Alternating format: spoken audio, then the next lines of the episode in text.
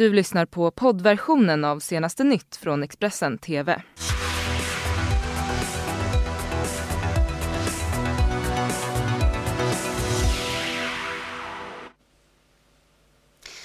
God morgon, det här är senaste nytt med mig Lisa Silver och det här är våra rubriker. Flera explosioner i Stockholm i natt, eh, stor rasrisk i industrilokal. Gui Minhai hyllades på Augustgalan trots den senaste tidens hot från Kina. Och stor polisjakt i Tyskland efter miljardkupp på konstmuseum. Här fångas de misstänkta tjuvarna på film. Men vi inleder i Stockholm med två explosioner. Den första inträffade strax innan eh, midnatt eh, i en industrilokal i Västerhaninge. Flera glasrutor splittrades eh, och som ni ser på bilderna som vår frilansfotograf så ligger det krossat glas på gatan. Polisen har ännu inte kunnat gå in i byggnaden eftersom det finns en rasrisk. Bombtekniker undersöker just nu platsen för att ta reda på vad som hänt. Och en timme senare så inträffade en till explosion men den här gången var det en dörr som sprängdes i ett eh, fyravåningshus i Sollentuna. Flera boende larmade efter att de hade hört en hög smäll och patrullen på plats eh, kunde se en skada på nedre botten. Stockholmspolisen har i båda de här fallen inlett en förundersökning om allmänfarlig ödeläggelse. Exministern Eskil Erlandsson han misstänks ju för sexbrott eh, mot eh, flera kvinnor och igår så inleddes rättegången. Han ska nu ställas för, inför rätta och eh, då fick vi reda på hans försvar. Han lider nämligen av vikingasjukan. Den tidigare C-toppen Eskil Erlandsson åtalas för tre fall av sexuellt ofredande. Och på måndagen inleddes huvudförhandlingen i Stockholms tingsrätt. Åtalet gäller tre fall av sexuellt ofredande på tre olika kvinnliga politiker. Erlandsson förnekar brott. Samtidigt har de kvinnliga politikerna som har vittnat här idag varit väldigt tydliga med sina vittnesmål om vad som har hänt och eh, att de, hur de har reagerat på det här och det har de gjort väldigt starkt. Jag blev ju mest förbannad men även kränkt och besviken över att en kollega tar sig den friheten. Advokat Johan Eriksson förklarade att förnekandet bygger på att det kan ha handlat om ett misstag eftersom Erlandsson lider av den så kallade vikingasjukan. Man kan väl konstatera att eh, om det är ett missförstånd, då är det ju ett missförstånd och då förstår man ju inte heller att man har kränkt någon annan människa. Då är det ju, då är det ju svårt att reagera på det. Så, så i, i, i, I det ligger ju förklaringen egentligen att det kan vara så att båda har rätt. Eh, han har rätt och kvinnorna har rätt så tillvida att de har känt sig kränkta av hans beteende men det har inte varit med avsikt och då kan båda ha rätt. Målsägande beträde Sabina Bö berättar för Expressen efter den inledande dagens förhandlingar. Eh, mina klienter har berättat bra och deras uppgifter stöds också av bevisningen i målet, alltså det vill säga andra vittnen. Och försvaret å sin sida, Eskil Erlandsson, säger att han till exempel inte minns helt händelsen eller konfrontationen. Vad tänker du kring detta? Att man inte minns en händelse som ligger långt tillbaka i tiden, det är inget konstigt i sig. Men eftersom det har blivit scener efter båda de händelserna vi pratat om idag, att kvinnorna reser sig upp, eh, går därifrån i den ena delen och att i den andra delen så blir det en personlig konfrontation i riksdagen ett antal dagar senare, så borde han ju ha kommit ihåg det. Och enligt eh, Eskil Erlandssons stjärnadvokat Johan Eriksson så kan hans klients beteende ha handlat alltså om vikingasjukan, att han blivit stel i händerna och att fingrarna kröker sig och för att förbättra rörligheten då genom att exempelvis gnugga händerna, krama en boll eller kanten på en duk eh, så kan man då bota den här vikingasjukan.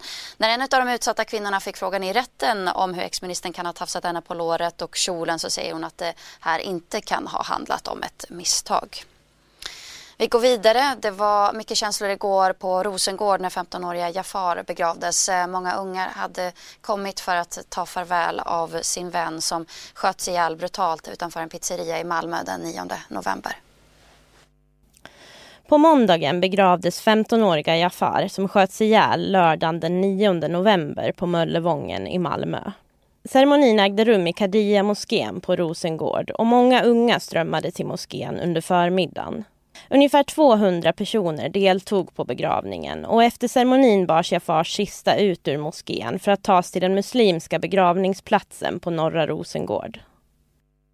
Kvällspostens reporter Federico Moreno var på plats i moskén och efteråt på begravningsplatsen en eh, speciell plats eh, i Malmö nu med tanke på att eh, över tio unga personer som eh, skjutits ihjäl de senaste åren begravts här och nu alltså även 15-årige Jafar. Vi eh, pratade med eh, en kusin till honom som eh, sa det att eh, vi tackar alla som kommit. Det underlättar mitt i sorgen. Jag hoppas att eh, något liknande inte sker igen, att inga fler barn ska behöva begravas. Mordet på Jafar skakade om hela landet och flera manifestationer mot våldet och minnesstunder för 15-åringen har hållits i Malmö sedan dess. Mordet utfördes inför många vittnen utanför en pizzeria på Ystadsgatan på Möllevången av två män som sköt med automatvapen. En jämnårig pojke som också sköts fick livshotande skador och vårdas på sjukhus. Jafars mördare finns på övervakningsbilder men polisen har ännu inte lyckats fastställa deras identitet. Och polisen vädjar om tips och vittnesmål från allmänheten. Ett äldre par utsattes för ett väpnat rån i sin bostad i Nacka i Stockholm eh, strax eh, efter midnatt igår. En man tvingade in sig i parets bostad och fick med sig smycken och en dator efter att ha hotat dem. Polis larmades till platsen och med hjälp av hundspårning så kunde de, den misstänkta mannen gripas. Det säger då Sylvia Oldin, vakthavande befäl vid polisens regionsledningscentral. Den här mannen misstänks nu för rån. Igår så delades ju Augustpriset ut och då hyllades den fängslade författaren Gui Minai i ett tal. Det här talet kommer ju bara dagar efter att Kinas ambassad kritiserat branschorganisationen på sin sajt. Deras planer kommer aldrig att fungera, skriver ambassaden. Vi har en kollega som sedan 1500 dagar, alltså över fyra år, sitter fängslad i Kina. Han heter Gui Minai. Och om jag hade kunnat skriva ett brev till honom så hade det låtit så här. Käre Gui Minai. Jag är en förläggarkollega och vän. Jag vill säga vän trots att vi aldrig har träffats och trots att du inte vet vem just jag är eller hur jag ser ut. Men jag hoppas att du på något sätt vet att jag är en av många, för vi är många som tänker på dig och försöker göra vårt bästa för att du ska släppas ut ur fängelset där du sitter utan rimlig orsak. Jag kan inte föreställa mig hur du har det, eller jag vågar knappt tänka på det. Jag läser dina dikter och det skär i hjärtat vid raden ritar en dörr på väggen med mitt finger. Jag så hoppas så innerligt att den där dörren ska öppnas och att du en dag ska få kliva ut i frihet. Och att jag då ska få träffa dig, att vi ska kunna prata som kollegor, så där som förläggare gör sinsemellan, om böcker, om författare, om din bokhandel. Om hur du vågade stå upp för det fria ordet, inte bara i tanke, utan verkligen i sak. Det är modigt. Det är viktigt. Det är obegripligt att du ska sitta fängslad för det. Du skriver jag är bara ett övergivet barn i den vackra världen som ritar den ena dörren efter den andra på väggarna. Men jag vill säga, du är inte övergiven. Vi är många här som står på din sida. Du hör oss kanske inte, men vi finns här och vi ska rita dörrar tills de blir verkliga och öppnas för dig. Tack. Och mer om Augustpriset och alla vinnarna där Marit Kapla då som skriver på Expressens kultursidor är en av dem. Så det kan ni såklart läsa mer om på vår sajt Expressen.se. Vi går vidare. 52-åriga Naya al-Samari är försvarsminister i Irak eh, och misstänks för grovt eh, bidragsbrott i Sverige. Nu kommer uppgifter om att eh, Samari med både irakiskt och svenskt medborgarskap utreds för krigsbrott. Han misstänks för omfattande bidragsfusk av Försäkringskassan i Sverige. Nu framkommer dessutom uppgifter om att den före detta krigsgeneralen i Irak och svenska medborgaren utreds för krigsbrott. Här är bakgrunden till fallet. Nadia Al-Shamari, eller Nadia Al-Aldeli som hans svenska namn lyder, sökte uppehållstillstånd i Sverige i september 2019. Han fick permanent uppehållstillstånd 2011. Året därpå kom även hans fru och parets sex barn till Sverige. Familjen bosatte sig i en lägenhet i Vårby gård i Huddinge kommun söder om Stockholm. År 2015, efter fyra år i landet, så blev Al-Shamari svensk medborgare. Migrationsverket skulle i efterhand få hård kritik för beslutet. Nadja Al-Shamari hade aldrig något fast arbete i Sverige. År 2011 och 2012 hade han noll kronor i fastställd förvärvsinkomst enligt uppgifter från Skatteverket. 2016 greps Al-Shamari. Han misstänktes för åratal av misshandel och hot mot en pojke i tonåren. Snart delgavs han nya misstankar om att han i åratal och vid ett stort antal tillfällen hotat två kvinnor och misshandlat dem med sparkar, slag och strypgrepp. Han ska även ha hotat att kasta en flicka ut från en balkong. Al-Shamari nekade, men bevisbördan var stark, berättar ett målsägande beträde. Men åtalet lades ner. Målsägande ville plötsligt inte medverka längre. Tidigare i år så dök Al-Shamari upp i världshändelsernas centrum, nu som försvarsminister i Irak. Och det är där som svenska medier nu avslöjat att Al-Shamari innehar dubbla medborgarskap. Och detta trots att det är brukligt att man avsäger sig sitt utländska medborgarskap när man blivit minister.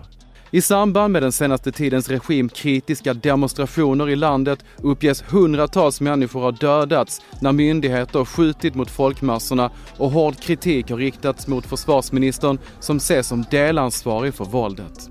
Och nu kommer alltså uppgifter om att Al-Shamari utreds för krigsbrott. Vi vet alltså att det som han beskriver som stöd till demonstranterna är, är, eh, är inte eh, som alltså är inte som som det sker på fältet, utan vi vet att minst 360 personer har dödats senaste månaden, alltså i protesterna i Irak. Samtidigt är Al-Shamari och hans hustru brottsmisstänkta i Sverige. Sedan november utreds de för grovt bidragsbrott mot Försäkringskassan eftersom de har fått barn och bostadsbidrag trots att de sedan flera år bor utomlands. Båda makarna misstänks också för brott mot folkbokföringslagen. En ovanligt eh, stark jordbävning inträffade i Europa i natt. Det var under natten mot tisdagen som jordbävningen med eh, magnituden 6,4 inträffade i Albanien med eh, epicentrum nära huvudstaden Tirana enligt Earthquake Report. En person i Tirana beskriver det här som väldigt kraftiga skakningar och jordbävningen kändes även i andra länder som Italien, Grekland, Montenegro och Nordmakedonien. Hur stora skadorna har blivit är i nuläget oklart men flera boende i Tirana har sett springa ut från byggnader med sina barn i famnen enligt Daily Mail. Tusentals personer ska också vara ute på gatorna och en person på Twitter skriver att vaknade på hotellet och darrade som, som darrade som gelé. En annan som befinner sig på ön Korfu beskriver jordbävningen som väldigt kraftig och att den höll på länge. Vi är rädda. En person i Bosnien och Hercegovina skriver att det höll på länge i en och en halv minut eller mer. Herregud, jag var så rädd skriver den här personen. För två månader sedan så skadades minst 70 personer efter en jordbävning med magnituden 5,6 i samma område. Enligt eh, US eh, Geological Survey så kan så många som 12 miljoner människor ha, runt om i Europa ha känt av den här jordbävningen. Vi ska nu gå vidare med bilder från en övervakningskamera som har fångat stunden då tjuvar slog till mot ett konstmuseum i Dresden som under måndagen blev utsatt för ett inbrott. Enligt polisen så rör det sig om den största konstkuppen under efterkrigstiden och nu jagas eh, tjuvarna i hela Tyskland.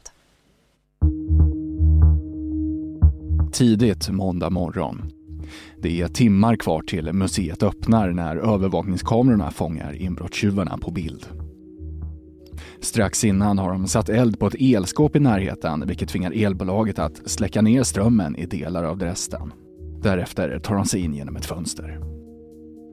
Väl utanför museet Grünes Gewöble, eller Gröna valvet, så väntar flyktbilen på dem. De har då fått med sig konstskatter och föremål till ett värde av motsvarande 10 miljarder kronor. Bland föremålen finns en kraschan från Vita Örnens order i Polen som instiftades av första August den starke. Också ett halsband med 177 pärlor saknas tillsammans med flera diamantsmycken. Ich glaube, ich brauche Ihnen nicht zu sagen, wie schockiert wir sind auch von dieser Brutalität des Einbruchs. Enligt museidirektören är juvelerna praktiskt taget omöjliga att sälja på den öppna marknaden. Myndigheterna fruktar därför att tjuvarna kommer att smälta ner dem eller kanske bryta sönder stöldgodset i mindre delar.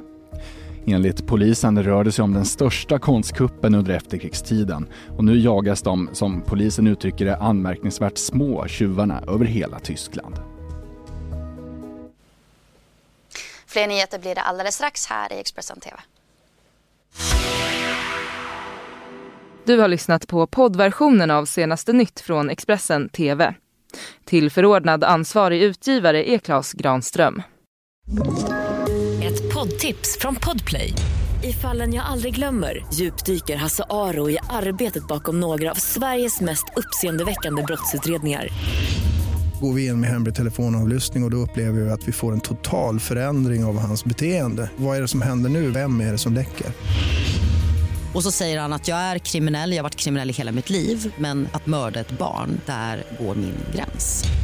Nya säsongen av Fallen jag aldrig glömmer på Podplay.